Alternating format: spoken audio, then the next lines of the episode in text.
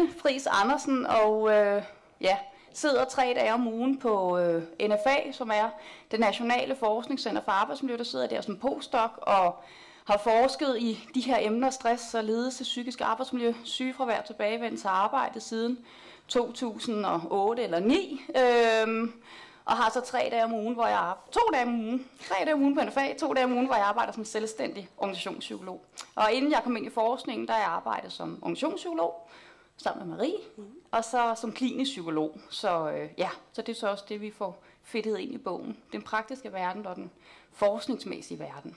Så det var ganske kort om, mm. om mig. Og jeg hedder Marie Kingston og er også psykolog øh, og har en baggrund også som organisationskonsulent, men jeg har også været i virksomheder som HR-chef og HR-partner og afdelingschef. Så jeg har også prøvet at være leder og sidde i de der vanskelige situationer med ledere, der, eller med medarbejdere, der udvikler stresssymptomer.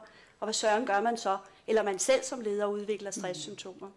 Øh, og nu har jeg min egen lille virksomhed, hvor jeg arbejder med organisationer og ledere og laver meget ledelsescoaching, sådan executive coaching, hvor stress, man må bare sige, det er simpelthen et tema, der dukker op, om ikke i alle samtalerne, så næsten alle samtalerne, forskellige varianter af det, og hvordan det udvikler sig, og hvad det er for symptomer, lederne selv slås med, eller hvad det er, de oplever, at deres medarbejdere går og slås med.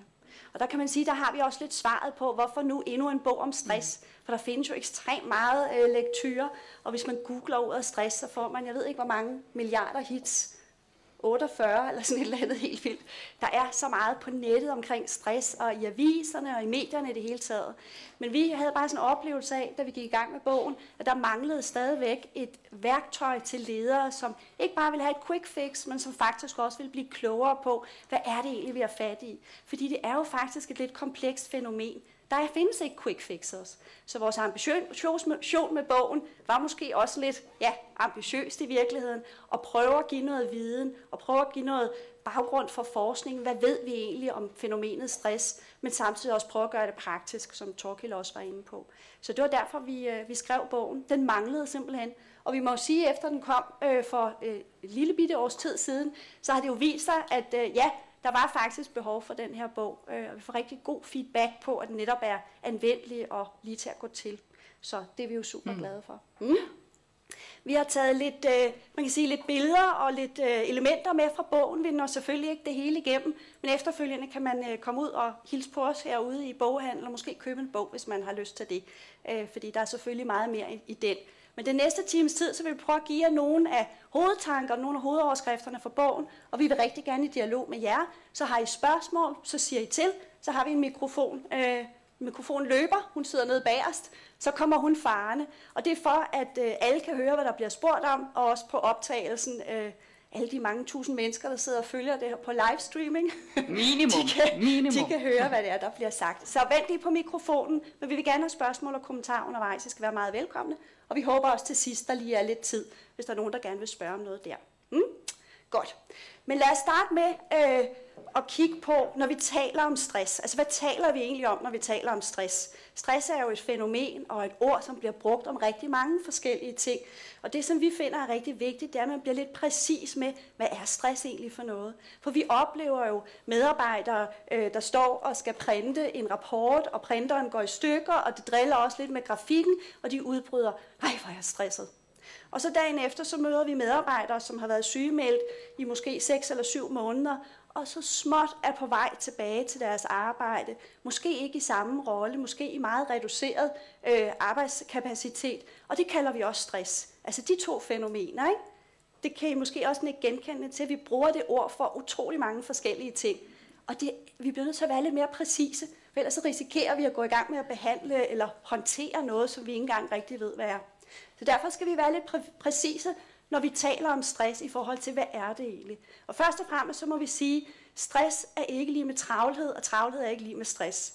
De to fænomener kan sagtens overlappe, men det gør de ikke altid. Vi møder medarbejdere, der er travle. Vi møder også medarbejdere, der er meget stressede, og det har faktisk ikke noget med travlhed og arbejds, altså tidspres at gøre. Så de to fænomener kan også være forskellige. Men når vi i organisationer kalder øh, travlhed for stress, som eksemplet før med, med kopimaskinen eller med printeren, så sker der jo også det, at man kan komme til at få en kultur, hvor man synes, at der er et højt stressniveau. Hvis vi hele tiden hører ordet stress, vi hele tiden reagerer på, nu sveder jeg lidt, og nu har jeg lige lidt travlt, og nu er der lige lidt pres på leverancerne, så kan vi også komme til at, at synes, der er mere stress, end der måske i virkeligheden er. Og problemet ved det jo er, at så kan stressniveauet blive oplevet som unødvendigt højt, og vi kan få skabt sådan en negativ spiral, hvor vi egentlig hisser hinanden op til, at der er mere stress, end der egentlig er. Og problemet er så, når de rigtige signaler begynder at melde sig, og der faktisk er en medarbejder, der har rigtig stress, og ikke bare travlhed, så kan det godt komme til at drukne lidt. Der kan godt være sådan lidt Peter og ulven over det. Måske kender de I det også fra de organisationer, I er i, at nogle steder i organisationen, der er man lidt hurtigere til at tale om stress, uden det nødvendigvis er stress. Men det er sådan set mindst lige så problematisk, hvis vi kalder stress for travlhed. Vi kommer også i organisationer og virksomheder, hvor ledelsen siger, vi har ikke stress her. Vi, problemet findes ikke her. Og det er jo interessant. Altså det der er selvforståelse, det findes ikke, og vi taler ikke om det, og ordet bruges slet ikke. Men det der jo så sker, det er, at folk får jo alligevel stress. Selvom vi ikke taler om det, så eksisterer det jo som fænomen alligevel. Og så får vi de der pludselige sammenbrud, hvor folk pludselig forsvinder ud af billedet og bliver sygemeldt, og nogle gange på sådan lidt dramatisk vis. Fordi op til den, det sammenbrud, der har der ikke været en mulighed for at tale om det her, fordi fænomenet findes jo ikke. Så hvis jeg som medarbejder synes, nu har jeg faktisk nogle stresssymptomer, men det siger vores topledelse, det har vi ikke her. Hvad skal jeg så kalde det? Så er det nok, fordi der er noget i vejen med mig. Og som I vil se senere, så er det jo en af de ting, der er med stress, når det begynder at blive rigtig slemt. Vi kommer jo til at vende det indad og synes, det er noget med os selv, der er galt med. Ikke? Den anden ting, vi også kan se i de organisationer, hvor man siger, at vi har ikke stress her, og det er bare lidt travlhed, eller det er bare sådan en performancekultur, vi har, det er jo, at der kommer den der machokultur, at vi kan ikke tale om de ting, der er svære. Og man må bare sige, de moderne talenter, de yngre talenter, de gider faktisk ikke altid at være i sådan en kultur. Altså de vil også være en kultur, hvor der er plads til, at man kan tale om de ting, som er vanskelige, og vi kan kalde tingene for det, de er. Så vi ser også eksempler på, så der er en del af talentmassen, der faktisk kan begynde at sive, fordi de kan ikke holde til presset, og de synes også, det er noget gammeldags forældet noget. Kan I genkende det? Ja. Og sådan kan det være nogle steder. Bestemt ikke alle. Så det er opmærksomheden. Mm? Ja, hvad er det her stress? Så Maria har jo allerede legnet lidt op omkring, at, øh, at det ikke er helt nemt at afgrænse. Og det er der rigtig mange gode grunde til, at det faktisk ikke er. Når vi kigger i, i litteraturen, når vi kigger behandlingssystemet, så er det jo ikke sådan, at vi, at vi har en, en diagnose for stress, eksempelvis. Stress findes ikke som en, som en afgrænset selvstændig diagnose, når vi kigger diagnosemanualerne, ICD-10, vi bruger her i Danmark, DSM-5, som de bruger i USA, så har vi faktisk ikke stress som den her selvstændige afgrænsede diagnose. Der er selvfølgelig noget, der minder om det, ikke? Altså, vi har belastningsreaktionen, vi har den lettere depression, der selvfølgelig, der kan være nogle overlap, der kan være noget, der minder om hinanden. Men stress er jo ikke en psykiatrisk diagnose. Det er heller ikke nødvendigvis særlig attraktivt, at det bliver det. Så, så vi er jo i den her situation, at, at lægen har sådan set ikke en, en manual, han kan slå op i, som man kan med de andre psykiske helbredsproblemer, hvor han kan slå op og sige, okay, men der er nogle primære symptomer, dem skal du have tre af, der er nogle sekundære symptomer, dem skal du have to af, jamen så har du den og den problematik. Det har vi ikke med stress. Så det giver jo også den her udfordring i, jamen hvad, hvad, hvad er det så egentlig folk er sygemeldt med? Hvad er det egentlig for en situation, de er i? Hvad er alvorlighedsgraden? Det ved vi faktisk ikke nødvendigvis bare ud for det her ord. Så det er, at vi har ikke stress som den her diagnose, men vi har faktisk heller ikke den her definition af stress, som, øh, som vi er enige om. Vi har ikke en definition af stress, som øh, arbejdsgiverne, arbejdstagerne, behandlerne, forskerne øh, har givet en anden hånden på og sagt, ja, det er sgu det her, vi mener med stress. Vi har ikke den her gode bog, vi kan tage ned fra hylden og støve af og kigge på definitionen sammen og ligesom til udgangspunkt i, det er jo det her, vi taler om. Så er vi nået så langt. Det findes faktisk ikke. Der er jo masser af definitioner, der er ude at gå i forhold til stress. Der er der ikke nogen tvivl om. Der er masser af definitioner.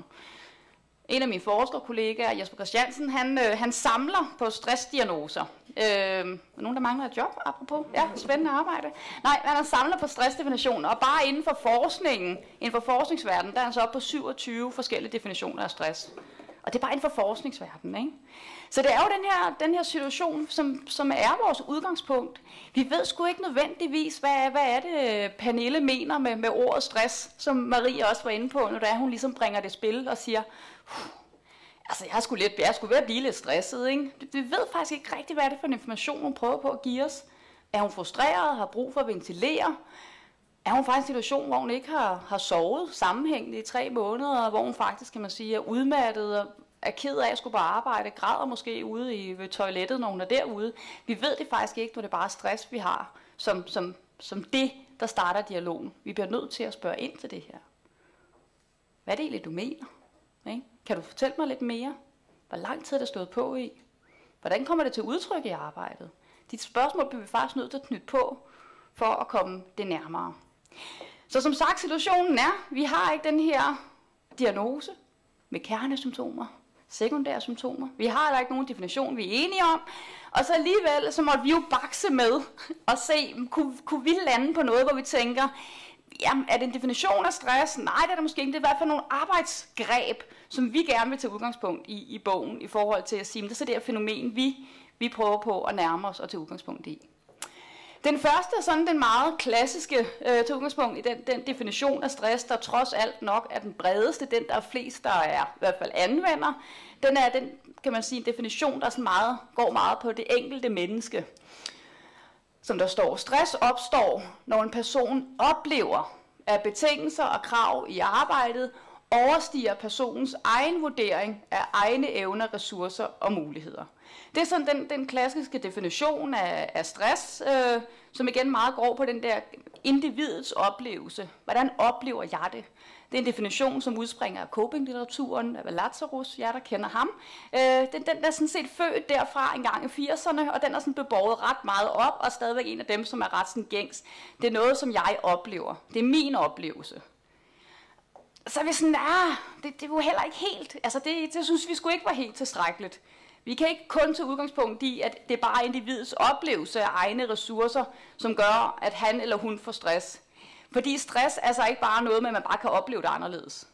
Kan du, kan du ikke lige tænke mere positivt om det? Ikke? Fordi det er jo bare din oplevelse. Ikke? Ej, det er det faktisk heller ikke, hvis vi skal være lødige over for litteraturen.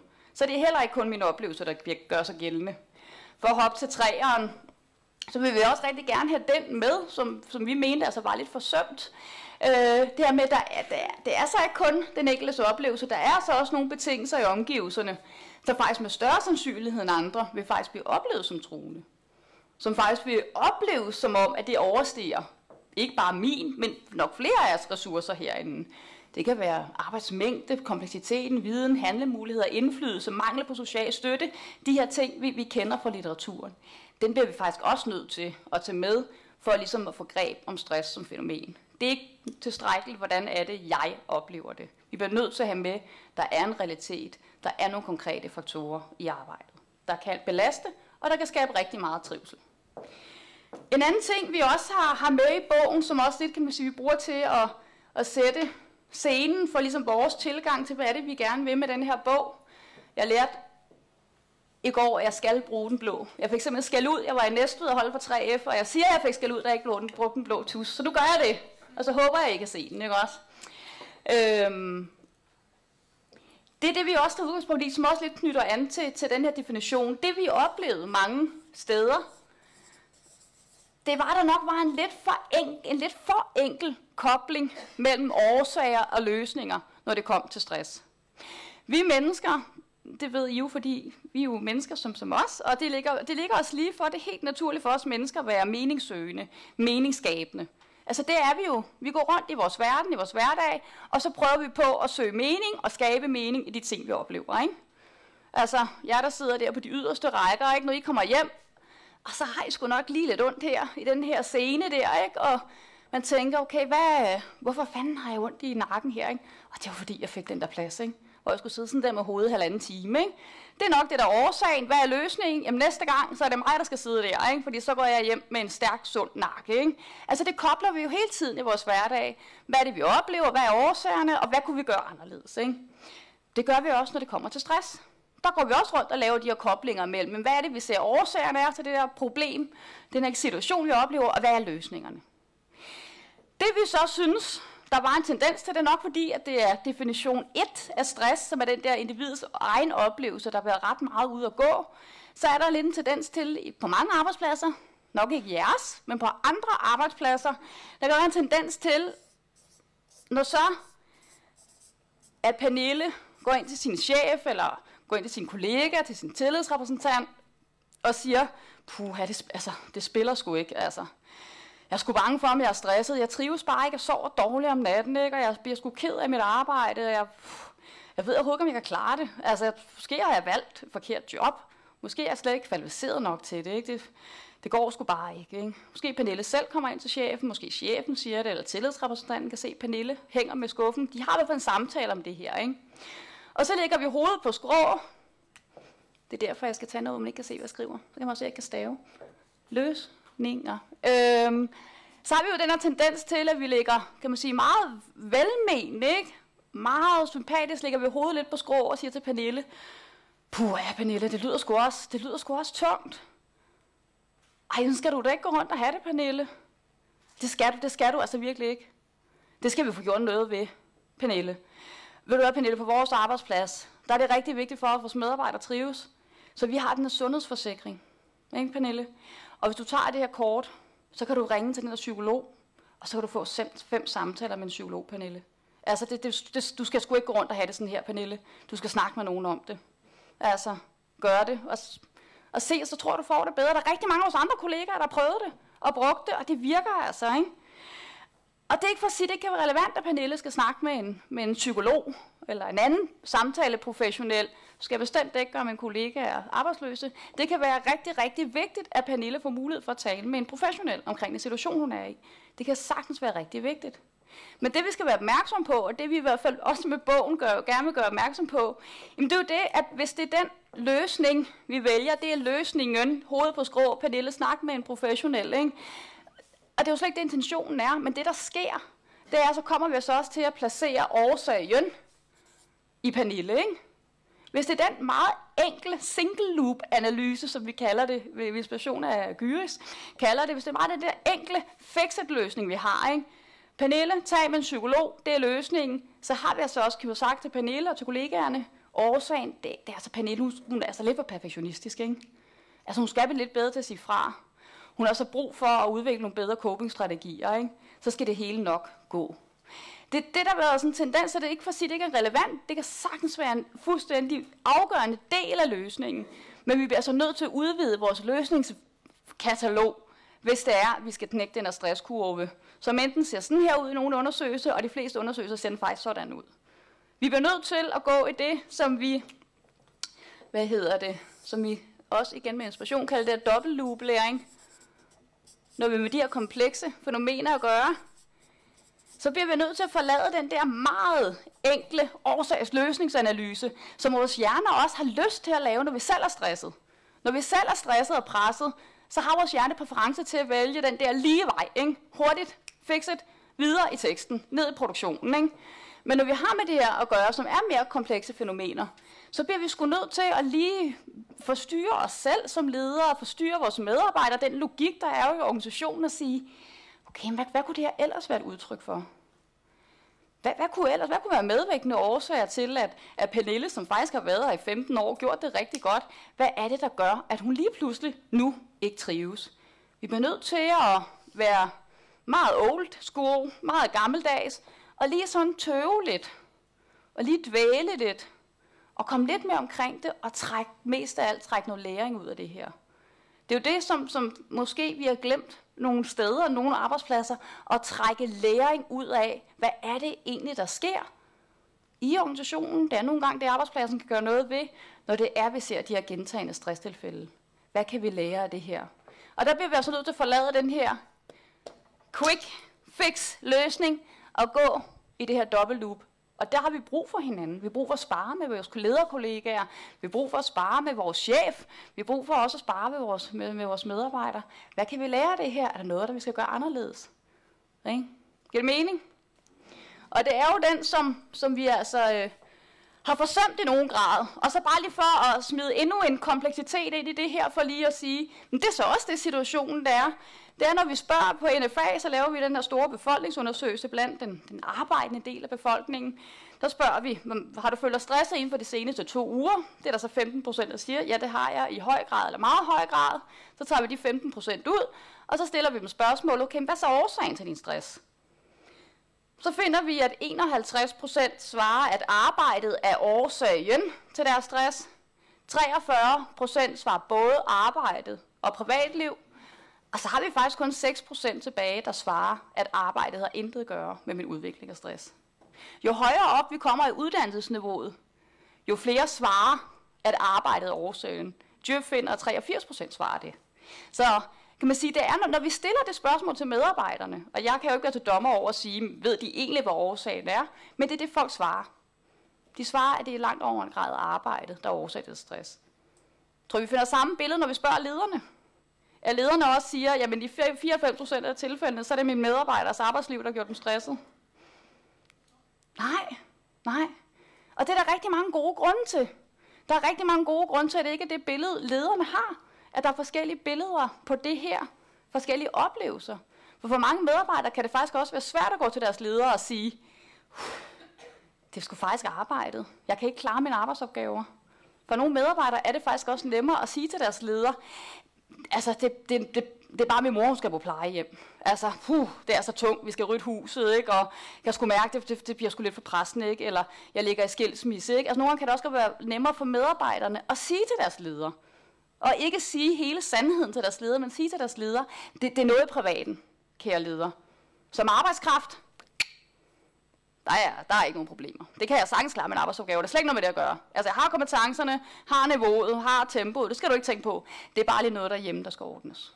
Så man kan sige, det er, at vi er også i den her situation, at, at det ikke nødvendigt, vi ikke nødvendigt sidder med det, med det samme billede af, hvad, hvad er det årsagerne er, og medarbejderen heller ikke nødvendigvis formelt, hvad, hvad er det egentlig også for nogle årsager. Tit er det jo en dobbelt, både arbejde og privatliv, men det er jo vigtigt, at man får en eller anden form for fornemmelse af, er der noget, vi kan ændre i organisationen? Er der noget, vi kan lære af? Er der noget, vi kan gøre anderledes? Giver det anledning til nogle spørgsmål? Giver det anledning til sådan... Ja, der, vi skal lige vende på mikrofon. Vi har en, øh, der har... Jamen det, det, men det er simpelthen for, på baggrund på, på grund af, af streaming. Det er simpelthen så moderne, det vil jeg så også sige. Alt for moderne. Kan du give os tallene for lederne? Nu sagde du lige tallene for, hvad medarbejderne svarer som årsag.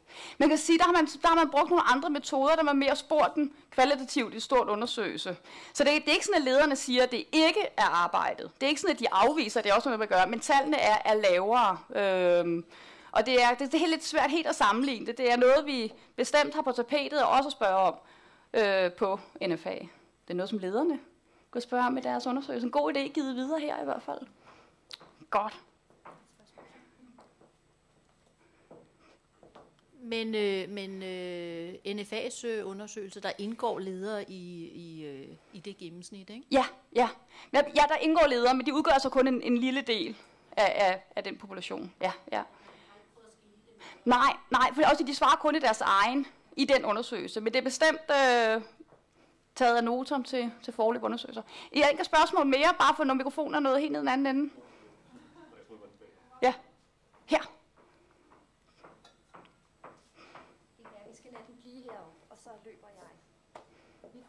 Jeg, jeg hedder Morten. Øh, jeg spørger faktisk øh, i mit virke, både øh, øh, chefer og medarbejdere. Min umiddelbare oplevelse er, at, at det tal, du refererer til, for jeg bruger faktisk præcis det samme spørgsmål, jeg har lavet ja. inspirere af jer, ja. øhm, at de har en markant, som jeg husker det, omkring 80 procent af øh, svarer, at det er, hvad hedder det, arbejdet. Ja. Altså de der tre dele der, arbejde, kombination ja. og øh, privatliv, der svarer de arbejde. Ja, ja. Så det er lidt lavere er tal. Stresset? Ja. Jeg synes, jeg hører, hører, jeg, jeg hører måske forkert, jeg synes, jeg hører dig sige det modsatte.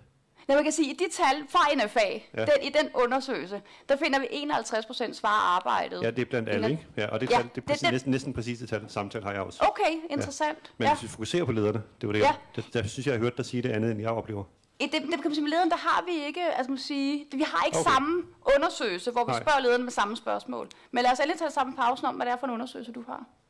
Spændende. Man kan i hvert fald sige, at når vi taler med ledere om det med stress, så synes jeg næsten altid, den første kommentar er, men er det ikke også øh, tit, fordi de gerne vil lave alt muligt i deres fritid, at de også bliver stresset, og de, og de også gerne vil være med i skolebestyrelsen, eller er det ikke også mest dem der, som er sådan lidt særligt sensitive, der bliver stresset?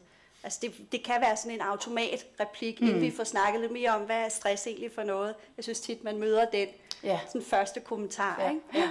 Ja. Mm. Og det er der helt klart mange gode grunde til.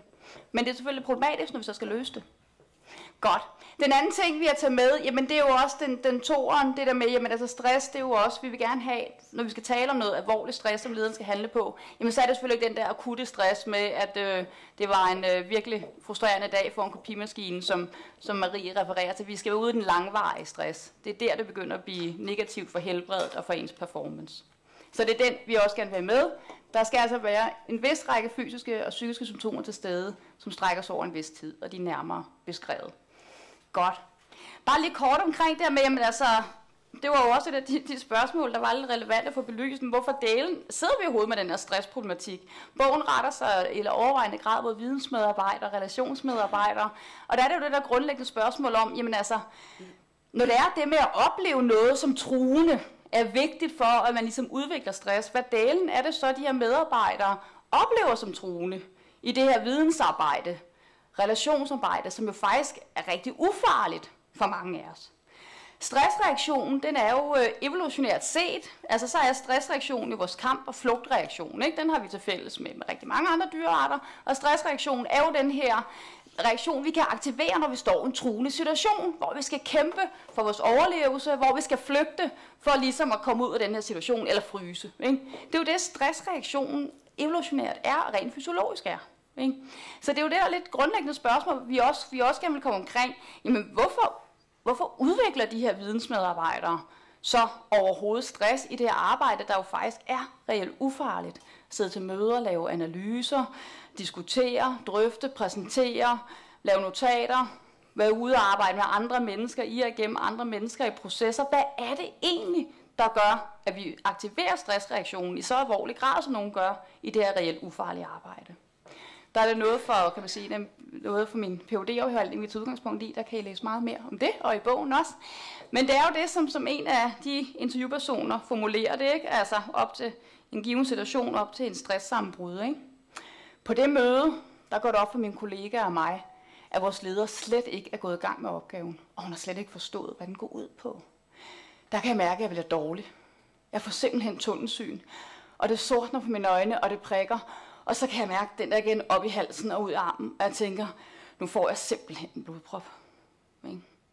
Og det er, jo, det er jo det, der er i bund og grund er lidt flippet, at hun sidder der omkring et bord med sine kollegaer, det er det offentlige. De får faktisk kaffe og morgenbrød den her fredag morgen. Ikke? Og de sidder der og drøfter en, en rapport og en arbejdsopgave, og en leder er ikke gået i gang med den. Og hun får simpelthen altså, den fysiologiske og psykologiske reaktion, som er nu dør jeg. kommer ikke til at se mine børn igen. Jeg kommer ikke til at gå ud af det lokale, lokale igen. Det er slut. Min leder har ikke forstået, den opgave ud på. Det er sgu da flippet, ikke? Altså. Og samtidig er det meget forståeligt. Fordi det, vi er truet på i det her, i, i det moderne arbejdsliv, i vidensarbejdet, relationsarbejdet, det er jo ikke, at vi lige pludselig, kan man sige, får stilas ned over os, eller vi får hånden klemt i maskinen. Ikke? Altså, det er jo ikke det fysiske arbejdsmiljø, de fysiske ulykker, som, som er det gældende. Det vores risiko er, det er jo den her situation, vi er i, som jo også er utrolig kærkom og dejlig. Men det er jo det i vidensarbejdet, relationsarbejdet. Så er der det, som man kan kalde den her sammenfoldning mellem arbejde og identitet. En sammenfoldning mellem arbejde og identitet, som, som vi mener ikke er på den, på den måde er decideret valg, men som er et vilkår, når man er vidensarbejder og relationsarbejder. Fordi det, man ligesom har at løse sine opgaver igennem som vidensmedarbejder, det er jo egenskaber som sin kreativitet, hukommelse, koncentration, evne til at prioritere, forvalte sin egen tid, engagement, evne til at samarbejde, empatien, alle de her egenskaber, som vi jo faktisk normalt tilskriver personligheden. Det er jo faktisk det, vi løser arbejdet igennem. Det er det, vi producerer igennem i vidensarbejdet og relationsarbejdet. Så det er ret svært i det her arbejdsliv at sige, det der arbejde, det har ikke en skid med mig at gøre. Pyt, jeg lader mig selv blive derhjemme. I dag der vil jeg ikke rigtig tage mig selv med på arbejde. Det, det gider jeg sgu ikke rigtigt. I dag, så der, I dag der hænger jeg mig selv i garderoben, ikke? som sådan et udtryk, der har været. Ikke?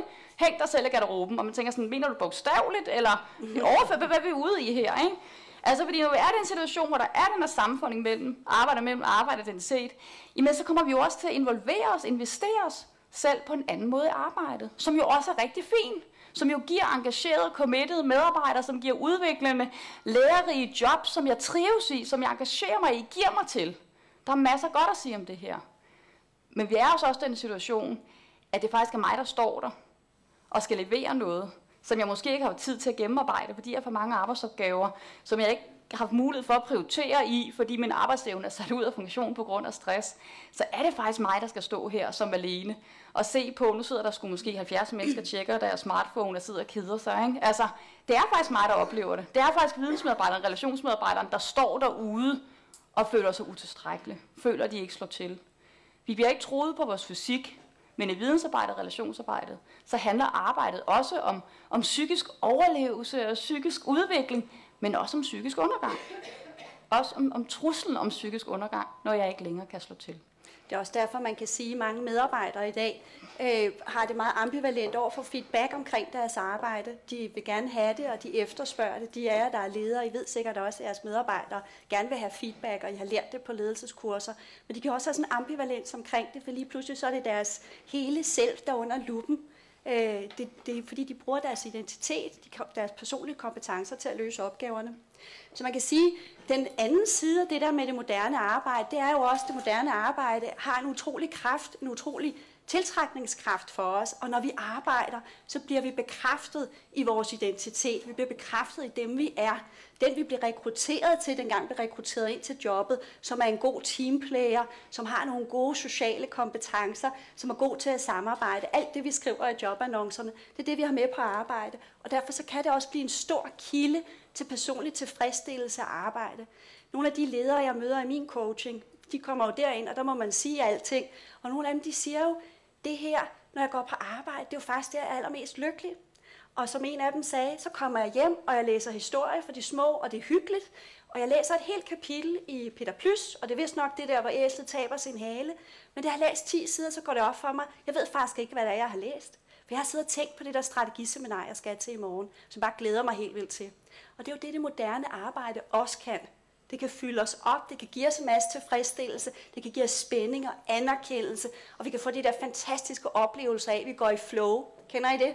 Vi glemmer tid og sted, og det er bare skide spændende. Ikke? Så det er jo den anden side af det, at det er også meget tiltrækkende, og vi kalder det en honningfælde, at det kan også være svært at slippe, også fordi vi hele tiden kan få adgang til det. Vi kan hele tiden tjekke mails. De er, der arbejder i internationale virksomheder, Altså, hvornår slutter arbejdsdagen, hvis man har kolleger i USA og i Indien, som jeg havde på et tidspunkt? Altså, man kan hele tiden være i kontakt med nogen, som kan bekræfte en, og som man kan lave pingpong med. Og det er også det, der gør det svært at afgrænse det. Så har vi, øh, og det er sådan lidt uretfærdigt over for Novo Nordisk, for Novo Nordisk laver faktisk en masse fornuftige ting, også omkring stress og stressforebyggelse. Men hvis I nogensinde sådan har gået eller løbet bag ved sådan en Novo Nordisk medarbejder i lykratøj, har I så set, så står der bag på ryggen, Run to Change Diabetes. Har I set det nogensinde? Ja, de er overalt i landet. og det er jo en fantastisk vision at være en del af. Tænk, at jeg er med til at ændre diabetes. Altså det vil man da gerne. Man vil gerne melde sig under de faner. Der har vi også en af forklaringerne på, hvorfor arbejdet bliver så tiltrækkende for os. Fordi vi bliver en del af noget større. Vi bidrager med noget større og ændrer diabetes, eller hvad det nu er. Og der skal vi som ledere også være lidt opmærksomme på, at vi ikke får tændt alt for meget under de der øh, flammekedler øh, med, med mening i arbejdet, fordi det er noget af det, der også kan gøre det svært at lægge det fra os. Så vi skal bare have en opmærksomhed på det.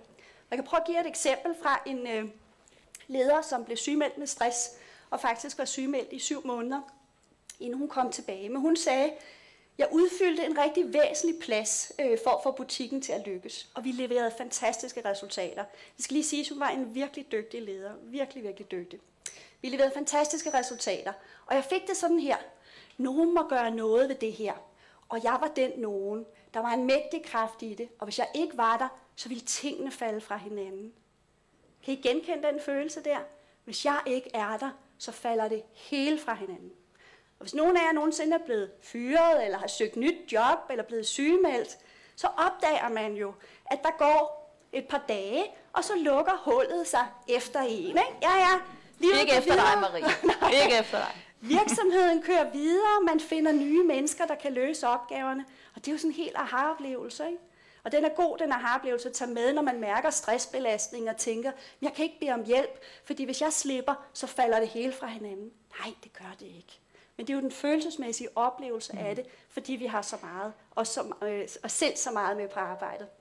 Mm. Men lad os prøve at kigge lidt på, hvordan stress øh, udvikler sig. Fordi stress er jo ikke bare stress, som vi sagde til en start. Nej, Og det er jo faktisk en, øh, en model, som vi øh, skrev om, og så har udviklet på gevaldigt allerede i 2007. Det er den her stresstrappe, som ligesom vi tænkte, der, der, den kunne sgu noget, og især den her opdaterede version. Øh, det vi gerne vil med den her, der er også meget ikke kan model, og også er til reducerende. Øh, men det, det vi gerne vil med den her, det var et, kan man sige, at prøve på at sætte nogle andre ord på. Ikke fordi vi tror, vi så whoopty får stress til at forsvinde, vi skal bare snakke anderledes om det, og så er det væk. Ikke med det udgangspunkt overhovedet, men for at få den her præcision ind i, hvor er vi egentlig henne i forhold til at være i god trivsel og være skide frustreret over, at kopimaskinen ikke virker, eller være i den her situation, som giver anledning til, til syv måneders sygemeldinger. Hvor er vi egentlig henne for den her, den her tilstand, som dækker over sådan et stort spektrum? Så det var den ene ting, vi gerne med, ville med den, for den her præcision ind i det. Øh, så vil vi også rigtig gerne, som Marie kommer til at fortælle om, om lidt, sætte nogle forskellige ledelsesmæssige opgaver på hver af de her faser. Så er der en tredje ting, vi også gerne ville med den. Det er sådan kinderægget. Nu har vi fået M&M's næste gang måske kinderæg. Men den tredje ting, vi gerne ville med, ville med den, det var hele tiden at sørge for, at vi altså har, har blik for det her. Det er altså fælles interesser at forebygge stress, det er ikke sådan en add-on, en virksomhed lige skal gøre, fordi så har man lige en stresskonsulent ude to gange om året, og lave et lille fyraftensmøde, og så er vi færdige med det, så man sat kryds ved det. Nej, vi skal virkelig tage det her alvorligt. Og den enorme fælles interesse, der er i det, udover at der er også mange etiske grunde til at gøre det, men det er jo også fra virksomhedsperspektiv, at trivsel, det linker bare bedre til effektivitet. Det linker bedre til performance. Og alvorlig stress, det linker rigtig dårligt til at levere gode resultater og kunne prioritere og forvalte sine arbejdsopgaver i det grænseløse arbejde. Så det er de fælles interesser, vi også rigtig hele tiden gerne vil, vil sørge for, at vi husker på, og ligesom at tage stress væk fra kampscenen, ikke? og få det ind på samarbejdsscenen. For det, det er der, vi rigtig gerne vil have, at det hører hjemme. Fordi stress handler jo ikke bare om, at det er synd for den enkelte. Det er det også. Det er jo forfærdeligt at stress, og de er der har prøvet det. Det er jo et mareridt. Men det handler jo faktisk også om arbejdsevnen og arbejdskapaciteten. Ja. Og derfor bliver det også interessant at tale om, fordi hvis vi ikke gør noget ved det, så forringer det faktisk vores evne til ja. at kunne levere resultaterne. Mm. Præcis. Jeg vil med til bare sådan helt konkret sådan en hvidbog fra 2010, en hvidbog om mental helbred, sygefravær tilbagevendt til arbejde, som vi lavede på NFA. I kan bare downloade den gratis. 570 sider spændende læsning, ikke? Nu er det weekend. Men øh, i den der så vi også på, okay, hvor meget reducerer det sig egentlig arbejdsevnen, og bare have symptomer på depression og angst, ikke? Lynhurtigt ser vi en reduktion med mellem 7 til 25 procent. Jo mere vidensintensivt arbejdet var, jo større blev tab af produktion. Fordi vi er så afhængige af de her kognitive evner, af vores relationsevner. Og det er dem, som bliver reduceret ved stress. Den første fase, den kalder vi så den tempererede fase. En tempereret fase, det er selvfølgelig der, vi, vi gerne vil være os selv, det vil gerne vil have vores virksomhed. Både fordi det er der, det er rart at være, men også fordi det er der, vi faktisk arbejder bedst. Tempereret fase, det er jo her, hvor man har grundlæggende den her oplevelse af, at at kravene og ressourcerne, de balancerer. Ikke? Der er en fornuftig balance. Jeg har travlt, ja, som vi snakker om, men jeg kan godt honorere det.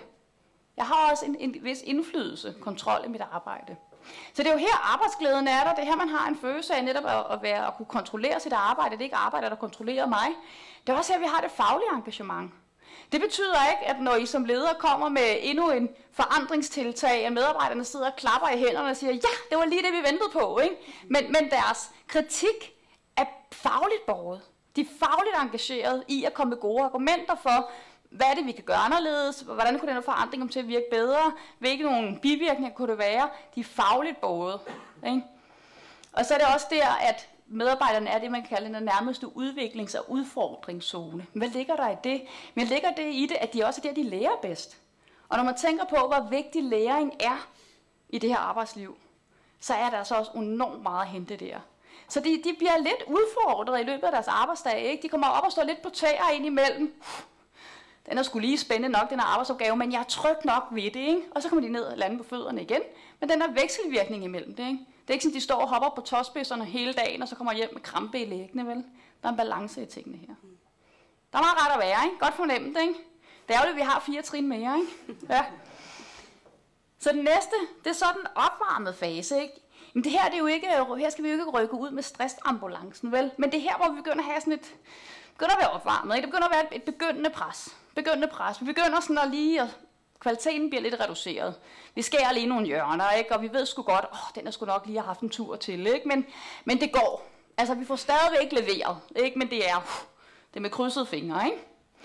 Det er også her, hvor at, øh, overblikket begynder at, at ryge lidt, ikke? Med sådan en, gud, var det i morgen? Nej, var det i dag, vi skulle levere det der? Nej, var det onsdag, han kom? Hvem gør hvad? Ikke? Tidshorisonten bliver mindre og mindre. Risikoen for konflikterne stiger også på det her tidspunkt i teamet. Man bliver sgu lidt mere utålmodig med hinanden, ikke? Ja, Preben, det har vi hørt, ikke? Man begynder at få den der oplevelse af, at, at min kollega er spilder min tid.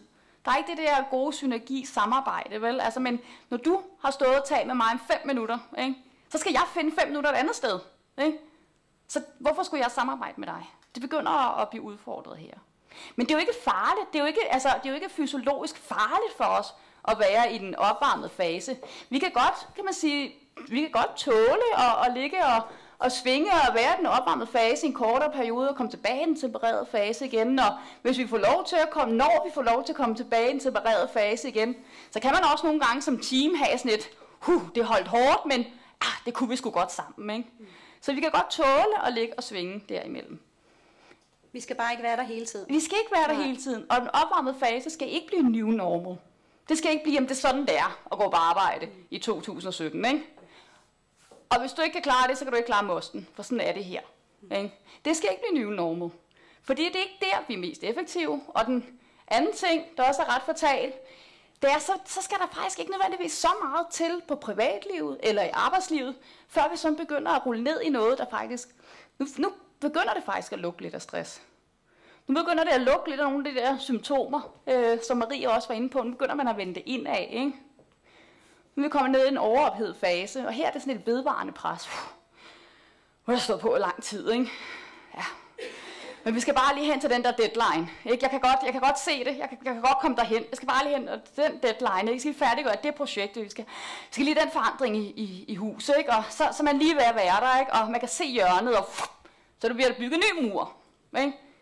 Og vi skal, vi skal så også lige det her mål, at der så lige kommer den her nye øh, lovændring ind, så vi skal så også lige, okay, om det, ja, jeg, det, jeg kan godt se ind til næste hjørne. Kender I det?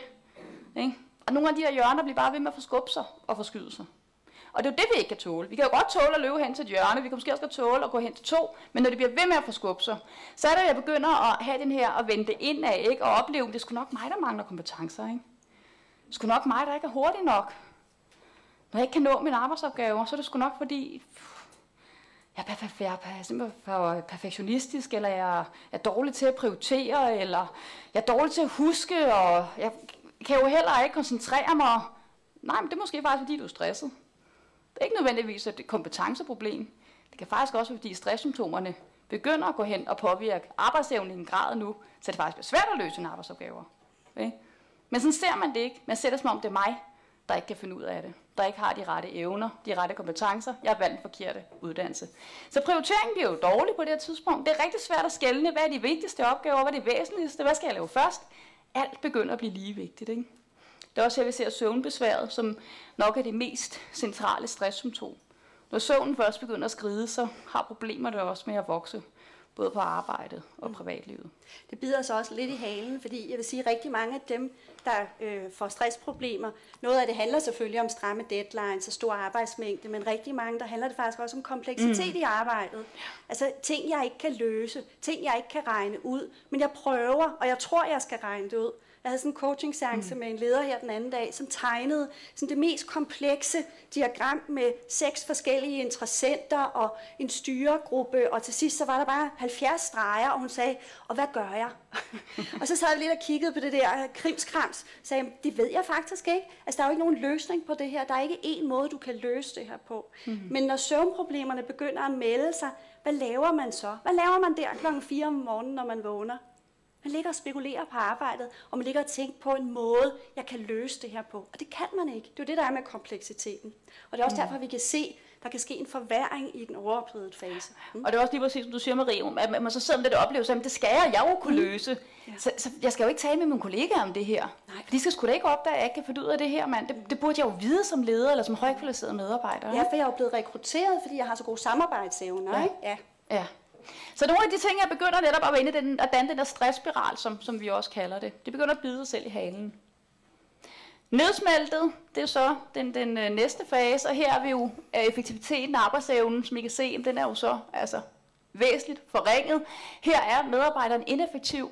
De kan sådan set godt synes, som om de er i gang i en masse ting. De kan have sådan nærmest en sidrende energi, ikke? og de kan have 20 dokumenter åbne og 20 projekter kørende, ikke? og det hele ser ud som om, det bare, åh, der er højt tempo på, det hele sker. Men når man kigger lidt nærmere, medarbejderen lidt nærmere efter kortene, så er der sådan en, bliver jo faktisk ikke rigtig leveret. Det er faktisk ikke de rigtige ting, der bliver prioriteret. Resultaterne er faktisk heller ikke særlig gode, men lige udefra set kan det godt se sådan helt hektisk ud, så man godt kan misforstå det, og se det som høj effektivitet. Ikke? Det er også her, hvor hvad hedder det, at, lav trivsel er selvfølgelig lav, og sygefraværet kan også begynde at sætte ind. Både det klatvise sygefravær, man bliver mere syg, immunforsvaret begynder at blive reduceret på det her tidspunkt, eller også er den der bare mandag tirsdag, hvis jeg bare kunne få lov til at sove, hvis jeg bare lige bare kunne sove, så, så kan jeg godt igen. Ikke? Så det bliver også lidt selvmedicinering, nærmest det her sygefravær. Det er også her, vi ser de her sammenbrud på arbejde, folk der bryder grædende sammen. Det sidste har vi den udbrændte. Jeg vil ikke gøre så meget ud af den her, men her er vi. Arbejdsevnen er sådan set noget lavere end her, men så kunne der altså ikke stå der den her tekst, vel? så det var, ja, mm. måtte man vælge. Men her kan man sige, er vil medarbejderen typisk være langtidssygemeldt? Ikke altid, men der vil typisk være en sygemelding af en, af, af en vis længde, i hvert fald inden over det her. Ikke altid, men, men i mange tilfælde. Mm. Og hvad gør vi så ved det, Marie? Ja, det er jo lige det. Giver det mening at se på det som gradvist, at det udvikler sig? Ja. Mm. Ja, det store spørgsmål er jo, at øh, nogle ledere har flere medarbejdere, der udvikler stress. Og hvorfor nu det? Hvad kan det skyldes? Hvis vi nu lige renser billedet for organisationskulturen og hvad det er for en branche, vi er i, og vi bare ser på lederskabet, hvad tænker I så, der kan være grunden til, at nogle ledere har flere medarbejdere, der udvikler stress end andre? Hvad kan det skyldes? Nogle bud? Ja? Hvis lederen selv er stressramt, ja, så kan det have en effekt på medarbejderne. Ja. Tydelig ledelse. Utydelig ledelse. Ja, hvis der er utydelig ledelse, så kan det også være med til at udvikle stress hos medarbejderne. Det er rigtigt. Lederen har en rigtig stor rolle. Det er jo så også derfor, vi har skrevet bogen til, til lederen.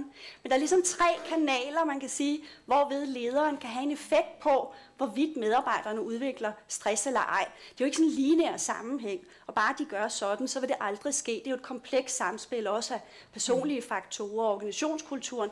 Men som leder, man kan dog være opmærksom på, hvordan er det, jeg påvirker mine medarbejdere? Hvad er det for en effekt, jeg har? Og den første kanal, man påvirker sine medarbejdere igennem, det er sin arbejdsstil. Fordi lederen er en rollemodel. Sådan er det. Enten man vil være det eller ej, om man er en god eller en dårlig, så vil der altid være det, at medarbejderne måske ubevidst, kigger på lederen og afkoder, sådan gør vi her, når vi arbejder. Sådan arbejder man på den gode måde. Så lederen skal jo interessere sig for, hvordan er mine arbejdstider, hvordan er mine komme-gå-tider, hvornår sender jeg mails til mine medarbejdere. Ikke? Vi kører sådan nogle seminarer i en virksomhed for øjeblikket, som netop handler om stressforebyggelse. Så der beder vi lederne om at kigge på deres telefon, hvornår sendte de den sidste mail i går aftes. Og det er jo helt vildt, ikke? hvad man kan høre. Jeg tror, rekorden er kl. 02.41 tirsdag nat. Kan jeg vide, hvad det er for et signal, man så sender til sine medarbejdere? Ikke? Og vi plejer at sige, at man kan jo gøre det lige akkurat, som man vil som leder. Man kan da godt sige, jeg sender den 0241, for så kan de mærke, at det brænder under fodsålerne på dem. Fint. Altså, det er jo et valg. Du skal bare gøre dig konsekvenserne klart. Og du, det skal nok ikke brænde under fodsålerne hver dag året igennem. Vel? Det kan godt være op til en vigtig aflevering, at du godt lige vil sende et signal. Så lederen skal være meget, meget bevidst om, hvad er det, man kommunikerer. En anden god ting, man kan kigge på, det er, holder lederen pause? Går lederen til frokostpause? Eller hvad? Fordi medarbejderne vil se, hvad er det den gode måde at arbejde på her? Og måske ubevidst begynde at spejle lederens adfærd. Så det er måske det første og det nemmeste, man kan være opmærksom på. Og der er jo masser, man kan gøre her. Man kan jo godt sidde og arbejde om natten. Fred være med det. Man kan bare sende mails næste morgen. Så får man ikke sendt det der signal. Ikke? Det er faktisk lidt nemt at gøre noget ved det her. Det kan straks være lidt sværere at kigge på sin ledelsesstil og sige, kunne jeg måske gøre noget andet her? Den måde, jeg leder mine medarbejdere på, kunne jeg måske skrue op eller ned for noget? Du sagde utydelig ledelse. Kunne jeg blive mere tydelig som leder i forhold til, hvad er det, vi skal? Hvad er det for en opgave, vi skal løse? Hvad er det for en opgave, du skal løse? Hvad er succeskriterierne? Snak om det store hvorfor. Hvorfor løser vi overhovedet den her opgave? Vi kommer lidt mere ind på det om lidt, hvad man kan gøre her. Men vi ved jo, at der er ting, der reelt virker stressforebyggende i den direkte ledelsesstil. Så det kan man også interessere sig for. Og endelig, og det er måske det aller, aller sværeste, det er jo så at kigge på, ja, er man selv stresset, ikke? Hvad er det for et humør, man selv møder sine medarbejdere med? Og vi har set nogle vidunderlige eksempler, som jo er dygtige ledere, men som bare glemmer sig selv og glemmer, hvad det er for en effekt, de har på menneskene omkring sig. Altså, vi har jo de her spejlceller i hjernen, som I måske har hørt om, hvor vi spejler hinandens, både hinandens handling, men faktisk også hinandens humør. Og det vil sige, at vi tager lidt farve af de mennesker, vi er sammen med. Og man må bare sige, at man leder, så svarer det faktisk til, at man har sådan en kæmpe stor forstærker med på en lille trækvogn i forhold til sit humør. Ikke?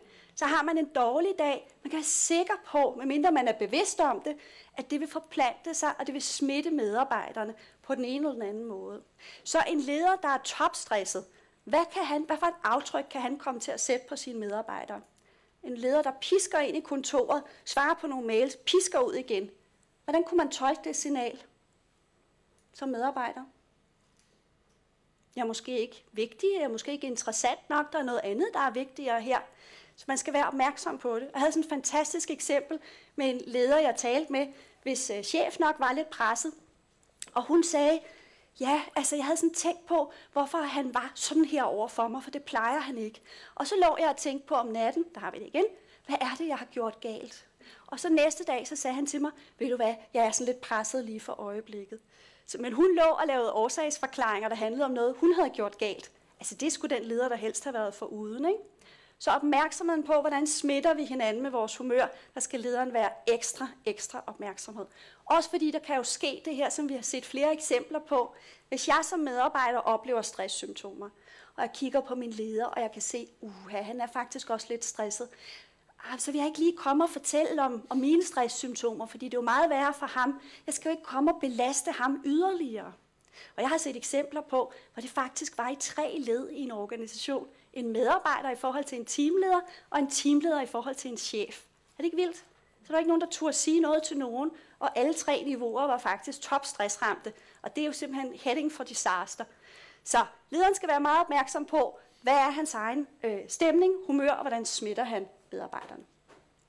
Hvis vi vender tilbage til stresstrappen og tænker på, eller kigger på, hvad kan man reelt gøre ved det? Igen, målet med bogen var jo faktisk at give lederen en form for GPS, men også et værktøjsbælte, så der var nogle gode værktøjer, man kunne tage fat i, når stress nu meldte sig. Og som vi sagde før, så er der jo stor forskel på at ligge i den ene ende og den anden ende af skalaen. De forskellige ledelsesgreb, der skal til. Så i den tempererede fase, så det, det egentlig handler om, det er at være tilstedeværende som leder og udøve det, man kunne kalde god personale eller performanceledelse, hvor man har fokus på mål og opfølging og feedback, motivere folk, øh, skabe et motiverende, lærende miljø, og så være en god rollemodel. Så er man faktisk med til at forebygge stress. Hmm.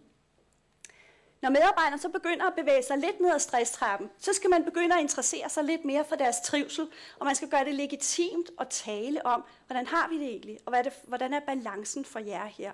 Altså vi skriver også i bogen, man skal ikke tale stress op, man skal heller ikke tale det ned.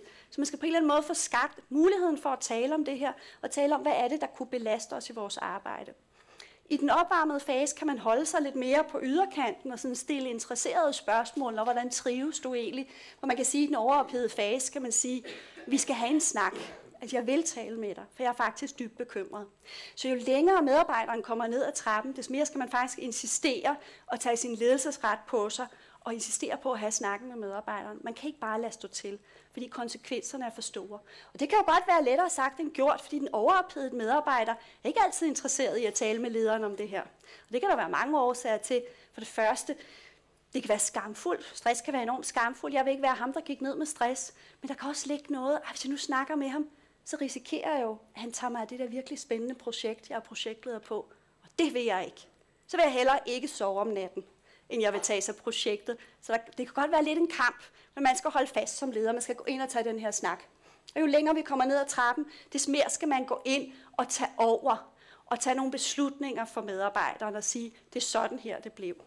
Der var en, øh, en øh, leder, en stresssygemeldt leder, der sagde til mig her for nylig, hun skulle have et møde med sin chef, og chefen spurgte, men hvad vil du gerne?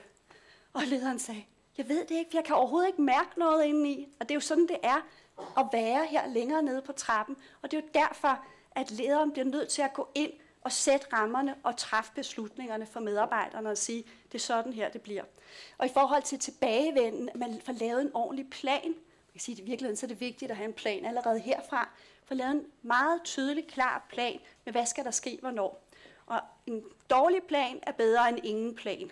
Kan man sige, der skal være en plan til stede, så kan man altid justere den og finpuste den alt efter, hvordan medarbejderen har det. Prøv at sige noget.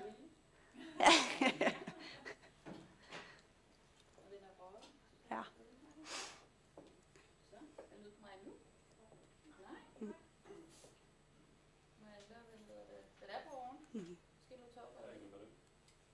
Det? Kan være, den er løbet tør. Men i hvert fald de tydelige, klare rammer. Ja, der vil bruge den der. Ja.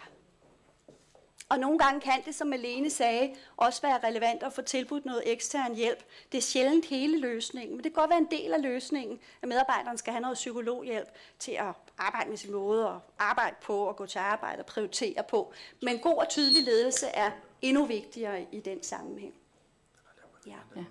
Vil du lige Nej, det er fint. Nej, Det er godt. Det var nok det vigtigste i dag, men det skal jeg ikke, det ligegyldigt nu. Ja. Ja. Nej. Ej, der røg guldkortet. Ja, ja. Du må lige sige det, I må købe bogen. ud. Altså, det var Øh, der, I fik svaret på det Ja, hele, men altså, sådan, sådan må det være. Ja. Ja. Når medarbejderen bliver sygemeldt, hvilket typisk sker her eller her, øh, så er det vigtigt, at man får lavet en klar aftale om, hvad er det, vi siger til kollegerne. Altså, jeg havde et eksempel på en medarbejder, som sagde, ja, øh, nu har lederen skrevet ud til teamet, at jeg har noget med maven. Jeg har ikke noget med maven. Jeg er stresset. Og så havde han så spurgt lederen, hvorfor har du skrevet det? Jamen, vi skal jo ikke piske en stemning op, og vi vil jo heller ikke skabe en epidemi. Så måtte han lyve om, at han havde noget med maven. Og det er jo ikke sådan det mest øh, befordrende, vel? Det er vigtigt, at man laver en klar aftale om, hvad bliver der sagt. Ja. Øhm, jeg tænker meget, øh, i det du fortæller her, mm. eller I fortæller her, så tænker jeg meget, jeg synes, der er en tydelig forskel på, hvordan kvinder reagerer i forhold til mænd. Det er min oplevelse. Mm. At, kommer I ind på det? Du spørger, er der forskel på, hvordan kvinder og mænd reagerer i forhold til stress? Ja. Og også hvordan de skal, det skal behandles, havde jeg sagt. Ja. Øh, Det korte svar er øh, nej. det har faktisk i min, min optik, jeg kommer jo ikke fra forskning, jeg kommer jo fra praksis. I min optik, så handler det meget mere om virksomhedskulturen. Altså jeg kommer mm. også i organisationer, som arbejder med, man kan sige, inden for det sociale felt. Der er det lige så meget mændene, der får stress og sidder og græder og har brug for hjælp. Der er ikke nogen kønsforskelle. Mm. Så kommer jeg også i high performance øh, kulturer, øh, hvor vi bare kører derude af. Altså, der er heller ikke nogen kønsforskelle. Jeg ved ikke, hvad forskningen siger. Nej, men man kan sige, det er jo det er jo, der er mange af de ting, du spørger om, kan vi ikke helt sådan pinpointe give klare svar på. Vi ved, der er en øget forekomst af stress blandt kvinder. Det er der generelt blandt mentale helbredsproblemer. Men så drikker mænd mere og begår mere selvmord. Og, altså, men altså, vi jo, altså, så vi har jo også forskellige reaktionsmønstre på at være i en belastet situation. Ikke? Det er bare for at sige, at det er ikke fordi, man skal lade være med sådan, jeg hørte en leder, der sagde, der var undervist, Lad os, vi skal bare lade være med at, under, at ansætte kvinder fra 35 til 46 år. Ikke? Bare sådan, nej, nej, det er ikke det, vi er ude i. vel? Så stor er forskellen heller ikke. Det, som der, der mere kan gøre sig gældende, også som, som Rie siger, det er måske mere at se på, hvad er det for en jobkategori, de har. Og der, der er jo mere, hvad er det, hvad er det for nogle, nogle, nogle job, de typisk bestrider. Og der er jo, må man sige, Danmark, der er Danmark et af de lande, hvor der er mest kønsopdelt arbejdsmarked. Så det er måske mere det blik, man skal have, at kvinder i typ, ofte har omsorgsarbejde, har relationsarbejde, har arbejdet med og igennem andre mennesker. Og det er i hvert fald det, vi kan se i forskning, og der kan det faktisk nogle gange være sværere at lave arbejdstilpasninger når vi snakker om at få folk tilbage til arbejde igen, eller, eller forebygge lave en delvis sygemelding. Der kan det nogle gange være sværere at finde de der afskærmede opgaver, hvor man ikke har kundekontakt, eller borgerkontakt, eller patientkontakt, og hvor man har indflydelse og kontrol i arbejdet, fordi Altså hvis jeg er pædagog, eller jeg arbejder som øh, socialrådgiver, jamen, så kan man jo ikke lige sige, sige til Frederik på syv år, at øh, ej, men, altså, Mette, hun er, altså, hun, er, uh, hun, er lidt, hun er lidt sårbar for tiden, ikke? så du må lige selv lave lyn din lynlås. Ikke? Altså, du må ikke være så krævende over for socialrådgiveren i dag, fordi hun er på vej tilbage. Ikke? Så der er meget, det er mere, det er mere jobtypen, som vi kan se kan, kan udfordre noget af det her. Hvor især omsorgsarbejde, arbejde med og, og igennem andre mennesker, der kan det være vanskeligere at lave de her afgrænsede, gode arbejdsopgaver til at komme tilbage på. Mm. Så det er mere sådan, vi ser det. Men generelt ved vi, at der er stor forskel på, hvordan sundhedsadfærden og det at søge sundhed mm. kan være forskelligt hvad hedder det, for mænd og kvinder. Mm. Så det kan sagtens være relevant at, at tænke, tænke med. Og mange af de her meditationsbaserede indsatser, som jo vi tit siger, det er noget af det, vi skal bruge, når folk er stressramte, det har kvinder også en større præference for, end mænd har. Så der, der er, det er helt klart relevant at være opmærksom på kønsforskellen. Måske især, når vi taler behandling, men vi kan også se det, når vi taler arbejdstilpasninger. Så så vigtigt spørgsmål. Nu kan sige, vi talte lidt om det der med machokultur før, og i en machokultur, uanset om man er mand eller kvinde, så er det jo tabu at bede om hjælp. Altså der skal man selv klare hjerterne. Så det man måske kan se i nogle af de kulturer, det er, at der går længere tid, inden man beder om hjælp, fordi man har ligesom ikke et sprog eller et apparat, fordi man skal klare det selv. Måske pusher det lidt længere. Men igen, altså, ja, jeg synes faktisk, det er lidt svært at generalisere fra praksis, om ikke andet. Der er også nogle, ved der, Ja, der, ja, ja, der er masser af spørgsmål. Hvad siger du? Jeg synes, det der at tage hånd om øh, folk. Ja. Oh, vi Jeg glemmer. bliver mikrofon for skrækket nu. Hallo? Den virker ikke. Sådan, prøv nu. Ja. Sådan der. Jo, jeg synes, det der punkt omkring øh, at tage hånd om medarbejderen, oplever jeg som en udfordring for mange ledere. Ja. Øh, jeg afholder et kursus øh, sammen med Psykiatrifonden i, øh, i psykisk førstehjælp, og der havde jeg et, et helt lederhold inden for ikke så længe siden. Og, og sådan hele vejen rundt synes de, at det var en stor udfordring, at det nu mig som leder, der skal, skal gå hen og tage den her snak. Ikke? Ja. Øh, og det, det synes de ikke, der, der kom de ind i et mærkeligt felt, de ikke skulle være Ja. i. Og så, jeg siger jo til dem, det er jo en antagelse, Ja. at I skal tage den snak, eller, eller at- I bevæger ind på farlig grund her. Ikke? Men hvad vil I sige til, til, til sådan en flok ledere der? De skal tage snakken. altså, vi prøver at give nogle øh, værktøjer i bogen til, hvordan man kan gøre det. Og selvfølgelig, det er da mega grænseoverskridende at skulle mm. gå hen til sin high performance medarbejder og snakke om, jeg er bekymret for dig, og sover du egentlig godt om natten. Det er grænseoverskridende, men det er nødvendigt at gøre. Mm. Og så er det selvfølgelig vigtigt, at man gør det på en ordentlig, respektfuld, empatisk måde. Det er klart, ikke? Men snakken skal tages. Ja. Ja, og det er jo også ja, nej, vi, ja. fint. Mm. Nu, øh, nu talte du før om øh, machokultur, mm. og samtidig om med det her med, hvordan, med hvilket humør går lederen mm. på arbejde. Mm. Øhm, jeg, jeg oplever, at det er svært at øh, balancere de to ting. Mm. Fordi at øh, jeg er sådan en, som optræder fattet i stort set alle, Ja. ja. alle sammenhæng, uanset hvordan jeg har det. Her, selv nu. Ja. ja. Øhm, og, øhm, og altså, det giver jo anledning til sådan en machokultur. Mm. Øhm, men samtidig, når du siger, at vi skal også være opmærksom på, hvordan, hvad- med hvilket humør går vi på arbejde. Mm. Altså, hvis ikke vi kan vise sårbarhed, så skaber vi også sådan en machokultur. Ja. Så jeg synes, det er, rigt, det er en udfordring at få det balanceret. Mm. Altså, Yes. på den ene side det her med at vise, jamen der er også nogle ting, som presser mig. Mm. Øhm, det, det falder mig ikke naturligt. Nej. Øh, det falder mig naturligt at vise øh, konsekvent overskud over for mine medarbejdere, for at være sikker på, at de altid tænker, at der er plads til dem, tid til dem osv. Ja. Øhm, på den anden side skaber det også det her med, at når vi skal alle sammen kunne klare alting. Mm. Fordi prøv at kigge på hende. Mm. Vi ved, at hun stod i de og de økonomiforhandlinger, eller hvad ved jeg, og, øh, og vi kunne slet ikke mærke det, og hun var bare glad. Og, Mm. Så altså, har du nogle input til, hvordan balancerer vi det her? Det er jo altså mega godt spørgsmål, og rigtig svært at svare på, fordi du har jo helt ret. Vi skal faktisk begge ting. Vi skal både kunne være fattede og rolige, øh, og undgå, at folk omkring os går lige så meget i panik, som vi måske føler på indersiden. Og på den anden side, så skal vi også som ledere kunne vise sårbarhed, fordi sårbarhed fremmer tillidskultur, og en tillidsfuld kultur, der har vi mindre stress, vi har også højere arbejdsglæde, og vi har også større produktivitet. Så tillid vil vi gerne have. Og der ved vi, når lederen viser sårbarhed og beder om hjælp, så fremmer det tilliden. Så det man jo kan være opmærksom på, man kan jo godt være en supermand eller superwoman og bede om hjælp alligevel. Og sige, det her, det synes jeg faktisk er lidt vanskeligt, men du er rigtig dygtig til det, kunne du hjælpe mig med det? Altså uden at man græder eller viser, at man er ude af flippen, ikke? Men det er nogle balancer, man skal ind og, øh, og arbejde med. Og man skal bare have opmærksomheden på, hvordan, altså, hvad, hvad er det, jeg efterlader medarbejderne med? Og så skal man måske være lidt opmærksom på, hvornår kan jeg vise lidt mere af mig selv, uden at det betyder, at jeg skal græde over for dem. For det tror jeg simpelthen aldrig er en god idé, man gør som leder. Men bare, nogle gange har jeg også brug for hjælp til noget. Nå, det var lidt frem og tilbage. Der står lidt mere om det i bogen.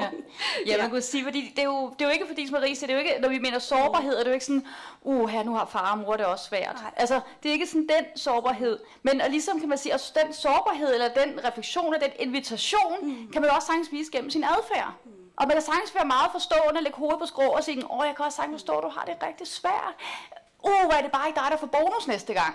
Ikke? Og uh, hvor er det ikke dig, der bliver forfremmet, og hvor er det ikke dig, der kommer på en fede kursus. Ikke? Altså, så, men altså, den der balance, at, at man kan også vise rigtig meget af den her respekt, den her refleksion, den her nuancering, det at ville hjælpe gennem sine handlinger. Hvem at sige, ved du hvad, her kan man faktisk godt, her er det ikke en karrierebreaker, og har gået ind til lederen og sagt, jeg skulle sgu Mm. Det er ikke en karrierebreaker. Det er ikke det, der forhindrer, at jeg ikke får bonus. For altså, hvis det, er, det er det, så der kan man jo gøre meget gennem sin adfærd og sige, her, jeg er faktisk en, man kan snakke med. Jeg er faktisk også en, der gerne vil hjælpe dig. Og jeg er ikke en, som fuldstændig styrer efter, og hvis der står stress i din personale sag, så kommer du aldrig nogensinde til at være den, der kommer i, i karrieretrack. Mm. Så på den måde kan man faktisk lave enormt meget afstigmatisering, åbenhed, ved at vise sine medarbejdere, at det ikke er en karrierebreaker og gået ind og bede om hjælp. For så kan man jo ellers have nok så åben dør. Her vil vi rigtig gerne tale om stress. Men dem, der gør det, De ryger i svingen. ikke dem, der kommer foran i køen. Ikke? Så, så nytter det jo ikke noget at være åben forstående med hovedet på skrå. Så gennem handlingerne, der, der kan man gøre rigtig meget. Og der er det jo dig, der vil handlekraftig. Der ligger enormt stor styrke i det. Via den empati, man udviser, Ja. det er måske virkelig det allermest tillidsfremmende. Er det nemt? Nej. Nej, nej. Der må plus, at det er jo ikke sådan, det er. Altså, fordi hvis man har været sygemeldt i syv måneder og kommer tilbage, så er man jo ikke den, der får det næste etårskursus, vel? Altså, Nej. Så det er jo også noget Ja. Ja. Vi kommer til at tale om det til sidst, slutte af med lidt omkring sådan et iglo-perspektiv. Nu er vi Fordi- næsten ved til sidst. Nu er vi næsten ved til sidst, ja. vi skal lige... Ja. Her klokken kvart over syv, hvor ja. I ikke kommer hjem til jeres familie, der kommer vi til at snakke Ja. om. Ja. Nej, Men gode spørgsmål, for det er jo også realiteten. vi nærmer os afslutningen. Vi vil godt lige give jer med på vejen. Hvad kan man gøre konkret som leder? Det bliver uddybet mere i bogen. Men det her det er sådan en virkelig simpel ledelsesmodel, som vi både anvender ude i organisationer, som gerne vil arbejde med performancekultur, men vi anvender den faktisk også, når vi taler stressforebyggelse. Det er jo i grunden virkelig interessant. Det er de samme knapper, vi drejer på, når vi gerne vil øge performance, og når vi gerne vil forebygge stress. Altså det er jo værd at tænke over. Og det er ret simpelt.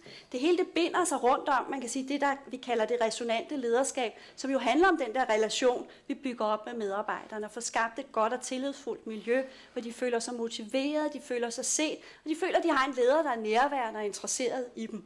Det er simpelthen udgangspunktet. Alting starter med relationen. Så har vi fokus på kommunikation.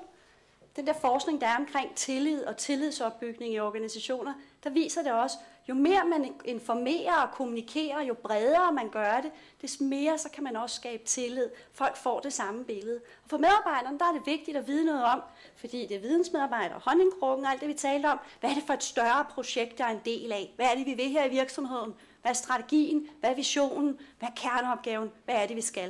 Det er noget af det, der motiverer rigtig meget, motiverer medarbejdere. Så man kan se sig selv i den større sammenhæng, og man kan opleve noget mening med det, man gør. Men det er ikke gjort med det. Vi er også nødt til at sådan zoome lidt ind på den enkelte og sige, hvad er så målene til dig? Hvad er succeskriterierne? Hvad er forventningerne til dig? Hvad er det for en rolle, du skal udfylde? Hvornår er du nået i mål? Når jeg evaluerer dig, hvad er det så for nogle ting, jeg kigger på? Og det må jeg sige, det er der faktisk rigtig mange ledere, der forsømmer i dag. Også fordi de siger, at det er jo så svært, og målet flytter sig hele tiden. Ja, men så må man tale om det ofte. Man må ikke efterlade folk i mørket, fordi hvad sker der, hvis vi ikke ved, hvad der bliver forventet af os? Hvad gør vi så? Så opfinder vi vores egne mål. Vi opfinder vores egne projekter, vores egne succeskriterier. Og så skal jeg lige love for, at der er lagt i ovnen til både dårlig performance, men faktisk også stress. For når, hvornår lykkes man med det? Så skal vi følge op. Vi kan ikke bare sige, det er meningen, gå i gang med opgaven, det er sådan og sådan, og så efterlade folk. Vi skal vise interesse for deres arbejde. Vi skal følge op på, hvordan er fremdriften. Vi skal undersøge, hvad er det for sten, man møder på vejen, barriere, der kan være, for man kan løse sin kerneopgave. Vi ved jo, som jeg tror, du sagde fra forskningen, at det, som skaber rigtig meget arbejdsglæde, det er, når vi laver fremdrift i vores øh, opgaver, når vi når et stykke med dem. Det er der, vi føler, at vi har haft en god dag, når vi rykker på noget, skaber resultater. Så som leder kan man interessere sig for, er der sten på vejen? Er der noget, jeg kan gøre for at løfte de sten væk? Fordi det, der på medarbejderniveau kan ligne et bjerg, kan på ledelsesniveau faktisk være ret simpelt. Jamen, jeg skal bare lige over og snakke med den direktør over i den her del af forretningen. Så er der fri bane, ikke? Det kan betyde rigtig meget for en, for en medarbejder. Og så kan man coache dem. Det er jo det store øh, dyr i åbenbaringen for 10-15 år siden, men det virker altså stadigvæk meget godt, hvis man vil skabe læring. Coache medarbejderne på deres opgaveløsning. Ikke give dem svarene nødvendigvis, men hjælpe dem med selv at finde dem frem. Og så skal man give den der feedback, som jeg sagde før. Det er noget, der bliver efterspurgt, og det er også noget, man kan have det sådan en lille smule ambivalent med. Men når vi får feedback, uanset om det er den meget positiv, eller det er sådan den mere konstruktive, så er vi nogen her i verden. Vi er nogen i verden, og der er nogen, der ser og forholder, forholder sig til det, vi laver. Og det er vigtigt, så føler vi, at vi er en del af noget. Det værste er næsten, hvis vi føler os usynlige. Så feedback er også vigtigt. Nå, men så kan man rulle alt det her ud som leder, øh, og gøre det lige efter bogen, når man følger alle de gode idéer til, hvordan man kan gøre det. Og så har man vel nogle super glade medarbejdere, der stemmer en ind som årets leder, ikke? Nej, det har man ikke altid. Fordi det der med, at man er meget tydelig og siger, det er det her, vi skal lave, det er ikke det her. Og det her med, at man er meget til stede, og man er interesseret, og man giver feedback, det er sgu ikke altid, at moderne vidensarbejdere de er så interesserede i det. Fordi det kan også være med til at afgrænse lidt deres handlefrihed og handlespillerum. Men vi ved bare, det er nødvendigt, hvis vi vil være med til at forebygge stress, at vi bliver tydelige, og vi bliver tilstedeværende. Kan I genkende det der med, ah, vi vil godt have noget kommunikation, og vi vil også gerne have noget feedback, og så når man begynder at give det som leder, så kan det også godt blive lidt for meget. Ikke? Ja, det er i hvert fald en klassiker. Det er en balance ligesom så meget andet. Ikke? Ja. Jeg kan huske en medarbejder, der engang sagde til mig, jeg vil have nogle klare mål. Jeg vil have, at du siger til mig, hvornår jeg lykkes. Men du skal også give mig noget handlefrihed, fordi ellers så bliver jeg helt kvalt. Og så har jeg sådan tænkt, ja, åh, hvordan kan vi lykkes med begge ting på én gang? Klare mål og stor frihed. Det er faktisk vanskeligt, ikke? Og det er ikke nemt at være leder. yes. Skal vi her til sidst lige Ja. tale om, hvad gør man ved den sygemeldte medarbejder? Man sige, det er, øh, jeg får lige lyst til at komme omkring, fordi det er noget, vi generelt gør opmærksom på i bogen, fordi det er det dilemma, du rejser, det er, det- sådan er virkeligheden jo ikke. Altså det med, at der måske er den stressramte, som kommer tilbage til arbejde, eller man vil ind og bede om hjælp, og så sker der lige bestået med ens karriere, eller ens muligheder for at nu blive belønnet med det belønningssystem, man har. Altså der, der vil vi jo rigtig gerne i bogen sige, jamen netop det, jamen sådan er det lige nu. Så det er sådan den situation, vi må tage udgangspunkt i. Det vi bliver nødt til at være rigtig opmærksom på, det er, at vi er bevidste omkring, hvornår vi tager hvilke hensyn for hvem. Ikke? Fordi der er selvfølgelig hensynet til individet, den der er ramt af stress, hvad enten personen er sygemeldt eller ikke sygemeldt. Så er der hensynet til teamet, hvor lang tid, hvor, meget, hvor lang tid og hvordan kan teamet gå ind og varetage den, den ramtes arbejdsopgaver. Så er der hensynet til organisationen. Hvad er det for nogle historier i organisationen, vi gerne vil have? Er det, er det en god historie for organisationen, hvis nu Bente, der har været der i 35 år, bliver afskedet efter hun var sygemeldt i to måneder? Det kan godt være, at det er nemt for lederen at sige, ej Bente, det skulle være besværligt. Det, det kan vi altså ikke tage os af. Men det er faktisk ikke særlig hensigtsmæssigt for organisationen. Og så er der også hensyn til lederen selv. Kan jeg overhovedet selv forvalte den arbejdsopgave? Har jeg tid til det? Jeg har to langtidssygemeldte. Så man siger, det her er jo den realitet, som lederne er i. Der er hensyn til den sygemeldte, til teamet, til organisationen, til en selv. Og det er jo, den, det, er jo net det dilemma, man står i. Det, der er rigtig vigtigt, det er, at vi er bevidste omkring, hvad er det for nogle hensyn, der styrer styrende. Fordi som vi også siger, det er jo ikke fordi, vi har sådan en totalt dogmatisk, det her er altid det rigtige, og det der er altid det forkerte. Fordi det, som du siger, det handler jo tit om balancer. Det, det, der er vigtigt, det er at være bevidst omkring, hvornår er det, jeg tager hvilke hensyn. Og er det de rigtige hensyn, jeg tager på det rigtige tidspunkt. Og der har man jo rigtig meget brug for sine lederkollegaer og for sin chef til at kunne spare omkring det her. Fordi meget af det her er jo ikke sort-hvidt, men det handler om at træffe bevidste, kvalificerede valg. Og der bliver man tit nødt til at have blik for de forskellige hensyn, der er i en konkret situation. Det gælder også, når vi taler tilbagevendt til arbejdet. Man siger, det er jo øh, meget en, en, bare en, en oversigt over, hvordan vi tænker tilbagevendt til arbejdet. Tilbagevendt til arbejdet, det er jo øh, det er noget, mange ledere kommer til at prøve på et tidspunkt. Hvor mange af jer har prøvet herinde at have en, en medarbejder, der skulle tilbage til arbejde af den ene eller anden grund? Det er der rigtig mange, der har. Ja, og det må man sige, billedet tyder også på, at der er flere og flere ledere, der kommer til at have det. Øh, og man kan sige, tit er det jo en, en vanskelig opgave, og det vi rigtig gerne vil med det, det er jo ligesom at gøre det meget operationelt. Og forsøge på at gøre det meget operationelt og sige, hvad er det for en ledelsesopgave, der ligger i at få en medarbejder tilbage. Så det ikke bliver at få en medarbejder tilbage, men det ligger, okay, hvad er det for en situation, medarbejder er i? Hvilke nogle ledelsesopgaver kalder det på? Hvilke nogle ledelseshandlinger kalder det på? Når medarbejderens situation skifter, så er der nogle nye ledelsesopgaver, nogle nye ledelseshandlinger, som situationen kalder på. Så det er sådan logikken i det, at vi har medarbejderens situation heroppe. Ikke? Personen er sygefraværende. Det er personen i en eller anden given rum tid, fuld sygefraværende. Så er personen klar til at komme tilbage. Eller hensynet er nu, vi kan ikke vente mere på dig. Du bliver nødt til at komme tilbage. HR, min chef, kan ikke give en længere snor. Vi bliver nødt til at handle nu. Det er i hvert fald tid til at lave en plan for tilbagevenden. Så er medarbejderne i den fase, der hedder, at personen kommer gradvist tilbage. På et tidspunkt kommer medarbejderen forhåbentlig fuldt tilbage.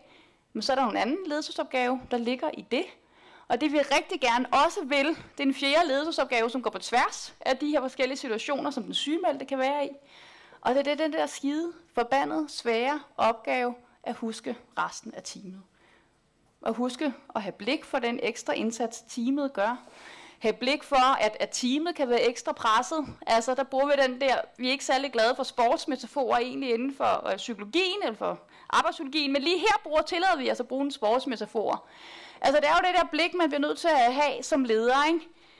Man har lavet en resultatkontrakt, man har planlagt, man har en drift, der skal køre, og den har man planlagt ud fra, at man er 11 mand på banen. Ikke? Det er de positioner, man har at spille med, det er de spillere, man har på banen, det er de opgaver, vi skal nå, vi er 11 mand. Ikke? Så sker der noget. Der er en, der bliver sygemeldt. Der er en, der ryger ud af kampen. Ikke? Lige pludselig havde jeg ikke 11 mand, men 10 mand. Hvad gør en træner der? Så vil en træner jo altid stå og overveje ude på sidelinjen, okay, hvad gør jeg? Jeg har lavet en strategi, jeg har kalkuleret med 11 mand, nu er der 10 mand på banen. Hvem er det derude? Hvem har jeg tilbage? Hvor lang tid af kampen har vi? Hvor vigtigt er det at gå efter de lange bolde? Hvor vigtigt er det at vinde den her kamp? Jeg bliver nødt til at lave en anden strategi. Vi bliver hele tiden nødt til at justere, for ellers er det bare, at vi får stressdominoeffekten. Ikke? Og den kender I sikkert også, når man har en medarbejder, der er sygemeldt, så kan der i øvrigt time blive presset, så kan vi have en til medarbejder, der er sygemeldt, og så er det ligesom, at, at det kommer ud af kontrol. Så det er vigtigt, og det er jo ikke altid nogle, afs, nogle, nogle, nogle beslutninger, man selv kan træffe i forhold til, hvad er det så for nogle arbejdsopgaver, vi ikke laver, hvad er det for nogle bolde, vi ikke løber efter. Men der bliver vi nødt til at, at invitere lederen til at snakke med sin chef. Jeg har lige afsluttet et forskningsprojekt på NFA, øh, så kom jeg i slutningen af sidste år, hvor vi ser på det her. Og vi kan sige, at de ledere, der kan spare med deres chef omkring det her, de har det altså væsentligt nemmere. De har det væsentligt nemmere, når de har føler, at de har en chef, de kan gå til og tale omkring prioritering af arbejdsopgaverne, få råd i forhold til at få medarbejderen godt tilbage, har en fælles forståelse af, okay, hvor er vi hen i forhold til tålmodigheden, så bliver det altså en meget nemmere arbejdsopgave for lederen. Men de bliver nødt til at have en, en god relation omkring det her til deres chef. Det er i hvert fald vigtigt for dem. Så det er jo også noget, vi inviterer til. Vi kan ikke øh, komme igennem det her nu, det fylder 50 sider øh, i bogen, men det er der meget lavpraktisk. Man bliver nødt til at indlede en kontakt til medarbejderen. Kadencen kan være forskellig, men der skal være en kontakt. Og når man afslutter en kontakt med medarbejderen over telefonen eller ved et møde, så har man altid en ny aftale i kalenderen. Også selvom den aftale måske ligger langt ud i fremtiden, man ved altid, hvornår taler vi sammen igen. Når man laver plan for tilbagevenden, jamen det gennemgår vi også meget struktureret. Det er meget operationelt, meget lavpraktisk egentlig her. Men der er nogle ting, man skal drøfte. Hvad er arbejdstiden? Hvor, lang, mange timer skal du arbejde? Hvilke arbejdsopgaver skal du have? Der har vi også nogle redskaber til det. Hvem skal du samarbejde med? Hvor skal du sidde henne? Hvornår følger vi op? Meget skemalagt egentlig. Så er der opfølging og justering af planen. Det er også nogle møder, som man ikke må negligere. Der må man, man må ikke have for travlt til sine opfølgningsmøder. De er rigtig vigtige for at undgå gensygemeldinger. Og det ved vi. Risikoen for gensygemeldinger er større ved stress, depression og angst, end de er for fysiske sygdomme. Ja, jo. Værre jo. anden gang. Jo, det vi kalder sådan en dobbelt dip, ikke? Mm. Det, det bliver alvorligt anden gang. Så det er den der igen operationelle tilgang, vi gerne vil have til det. Og så er det jo den her bog, der er til ledere, og vi synes jo også, at lederen har et rigtig vigtigt opgave inden for det her, men vi ved jo meget også godt, at lederen jo ikke kan gøre det her alene overhovedet. Den her ledelsesopgave, den er vigtig, men skal man kunne varetage den som leder, eller varetage den mere behageligt og rare og nemmere og bedre, jamen altså, så er det jo vigtigt, at vi også har blik for de her tre, fire niveauer, der er spillet. Ikke? Den her IGLO-model. Der er medarbejderen, individet, ikke? Det skal vi jo også arbejde med organisationen. Hvordan kan vi arbejde med, at, det, at de bliver mere kommer i trivsel, at de bliver opmærksom på at kunne sige til og fra. Det niveau skal vi også med. Så der er teamet. Hvad er kulturen i teamet? Alt det skal vi også fokus på for at forebygge stress. Lederen kan jo ikke gøre alt det her magi alene.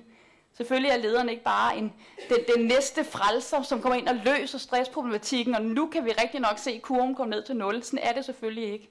Lederen har en rigtig vigtig opgave, men de er også i, en, i en, et sted, hvor der er et team, og hvor der er en organisation, ikke mindst. Og på organisationsniveau, der er det jo rigtig vigtigt, at organisationen bakker op om den her ledelsesadfærd. En organisation, der både fremmer den her ledelsesadfærd, som er stressforebyggende, stresshåndterende, de både fremmer den, men de faktisk også forfremmer efter den. Igen også et blik på, hvordan kan organisationen understøtte den her adfærd. Så det er bare, kan man sige, et, et sidste pointe. Vi peger på lederen. Vi ved også godt, at lederne er underlagt rammer, underlagt en organisation, underlagt en realitet. Så det skal vi selvfølgelig også have blik for. Hvordan kan vi understøtte dem der? Mm. Ja. Det var de sidste ord. Der er lige et par minutter til spørgsmål. Vi har lovet, at vi slutter klokken halv, så dem, der skal skynde sig afsted, de kan komme ud af døren. Men der er lige tid til et enkelt spørgsmål, hvis der er nogen, der har noget. Og ellers er vi til stede ude ved bøgerne lige om et øjeblik, så kan man også komme og spørge der. Er der nogen, der vil spørge? Er nogen, der vil forhindre de andre i at komme hjem? Jeg ved ikke, hvordan? Nej, men så vil vi bare sige, altså endnu en gang, tak til jer, lederne, tak til jer for at komme. Altså det er jo ikke bare jer, I er, for I er her jo også for nogle andre. Det er jo det, der er så fantastisk ved det her. Så tak for, at I er kommet og vil lytte og vil tage noget med hjem. Tak for det.